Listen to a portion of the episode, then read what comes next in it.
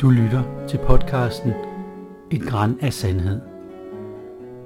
En samling små historier fra den store verden. Skrevet og indtalt af Michael Bjerg. Musikken er spillet af Jan Sommer, som også har klippet og produceret. God fornøjelse.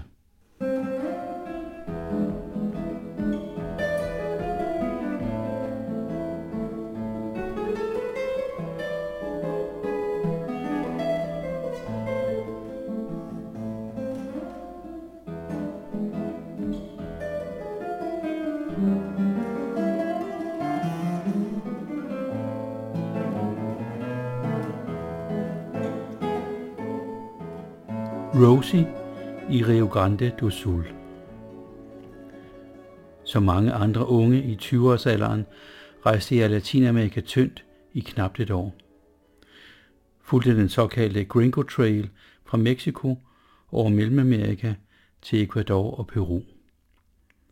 Efter en rystende oplevelse med et militærkup i Bolivia og en togrejse over hals og hoved til Buenos Aires, er ved slutningen af rejseeventyret endt i Brasilien. En aften i vinteren 1979 i den sydligste brasilianske provins, Rio Grande do Sul, får jeg mulighed for at deltage i en seance blandt udøverne af Macumba, en slags brasiliansk blandingsreligion. Jeg kommer til et stort hvidt hus i skumringstimen. Udefra ser det ud som et almindeligt, lidt herskabsagtigt hus, men der er en stor tilbygning på størrelse med en gymnastiksal med en række spidsbudede vinduer i begge langsider. Vinduerne er dækket af mørke gardiner, men man fornemmer et gulligt lys, der skinner ud gennem sprækkerne. En rodet, dæmpet lyd trænger ud på gaden. En blanding af tilfældige trommeslag, menneskemumlen og noget salsa-musik. Ved den halvåbne hoveddør står en sort mand klædt i hvidt tøj. Han smiler, byder mig velkommen og viser mig op ad en snæver trappe. Jeg befinder mig på en lille balkon, hvor der i forvejen sidder tre andre personer. Et ældre ægtepar og en yngre kvinde, der sidder lidt for sig selv. De sidder fordelt på to træbænke, og jeg sætter mig med et nik ved siden af kvinden. Med et forsagt smil præsenterer hun sig som Rosie. Hun er smuk på den der naboens datteragtige måde. Balkongen er placeret for enden af en lille sal med et rækværk i træ. Man har overblik over, hvad der foregår i salen, og kan se alle hjørner, undtagen lige nede foran, hvor man er nødt til at rejse sig og læne sig ud over rækværket. I salen er der en 10-15 mennesker, de fleste sorte, men også et par mestitser og en enkelt hvid mand. De er alle klædt i hvidt, undtagen en sort mand med et gråt skæg, som bærer en lille kjortel. I det venstre hjørne sidder to mænd foran store trommer, lavet af koskin spændt ud over en træramme. Hovedparten af deltagerne er middelalderne kvinder, og der kommer til stadighed flere til. Store sterinlys står på høje metalstager rundt om i rummet, og de giver en blafrende effekt. På væggene mellem de høje vinduer hænger malerier, fotos og små skulpturer. Der er farvestrålende malerier af personer, der ligner katolske helgener – nogle stofdraperede fotografier af skovklædte landskaber og en stor træstatue af en sort Madonna. En duft af gammel læder, cigarrøg og billig parfume blander sig i næsen.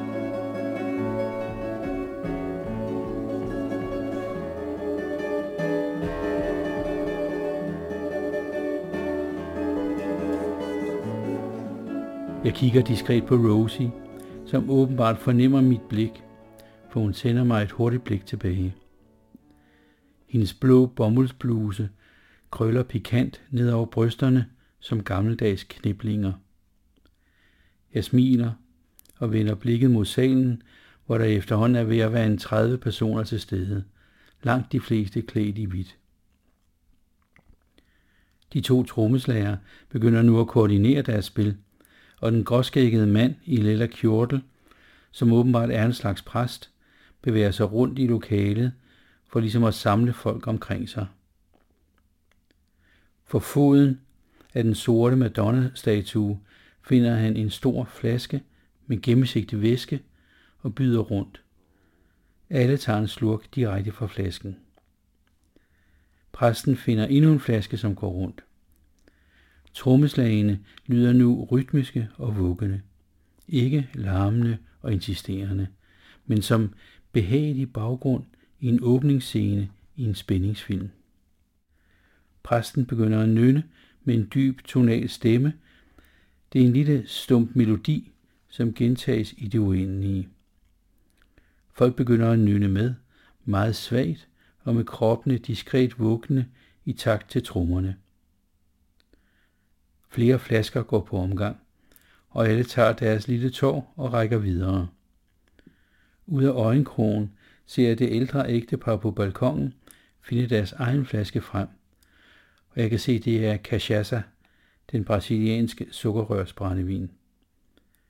De rækker flasken mod mig, og jeg tager en slurk og rækker videre til Rosie. Hun tager også en tår, og flasken går tilbage til ægteparet. I salen bevæger menneskene sig roligt rundt mellem hinanden, mens de nynner og vugger i hofterne. Præsten står, også vågne, foran de to trommeslager og tænder en stor cigar. Røgen stiger i bølger mod loftet, hvor der i foran er små grå skyer fra de store sterinlys. En ny lyd blander sig med trommerne og den afdæmpede nynnen. En lyd som fra et dyr. Jeg rejser mig og læner mig ud over balkongen. Inde under balkongen ser jeg en mand komme med en hane i den ene hånd. Hanen, som er sort og lettere forpjusket, spræller og skriger. Ikke som et traditionelt hanegal, men mere som lyden fra en pattegris. Hanen bliver holdt i fødderne, og vingerne basker vildt om mandens hoved. Han bærer hanen op til præsten, som lægger cigaren i en stor skål og griber fat i hanen. Trummerne er langsomt taget til i styrke og tempo, og folks stemmer er blevet mere insisterende og intense. Præsten holder hanen fast med venstre hånd og tager en lille machette fra skålen med cigaren og holder den over hovedet. Hanen spræller og skriger.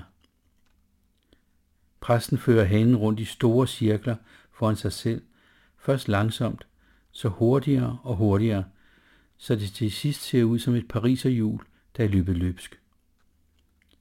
Hanens hals svinger nu som en lille slange, og pludselig har machetten skåret halsen over, så blodet fosser ud over præstens lille kjortel. Selv i det grå skæg er der nu blodstænk, og hanen spræller en sidste gang, mens dens hovedløse krop holdes i vejret, og med en abrupt bevægelse smides i det modsatte hjørne af, hvor trommeslageren sidder. Folk jubler, løfter hænderne over hovederne og klapper begejstrede. Trommerne er igen nede i tempo og helt stille. Hanens døde krop ligger op mod væggen som en guldklud, der ikke er blevet vredet op. Præsten begynder at tale med trommerne som et diskret lydtæppe. Det er i udgangspunktet portugisisk, men med så mange fremmede ord og vendinger, at jeg har meget svært ved at følge med. Jeg genkender ord som liv, himmel, sort, Maria og Josef, men det giver ingen mening. Præstens dybe stemme virker beroligende og trøstende. Hans tale bliver mere og mere til et samspil med trommerne, hvor hans pointer bliver understreget af særlige slag, og hans pauser udfyldes af små trommesoloer. Jeg kan mærke, at Rosie har sat sig tættere på. Jeg lægger forsigtigt min hånd på hendes knæ. Hun tager sin hånd oven på min og giver et lille klem.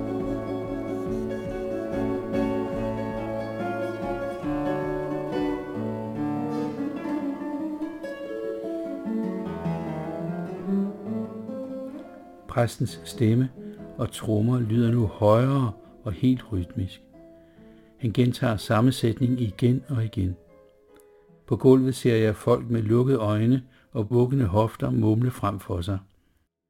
En kvinde lige foran præsten begynder at vifte med armene, næsten som hanens vinger tidligere, og hendes mumlen bliver til små skrig, afløst af dybe, uforståelige lyde.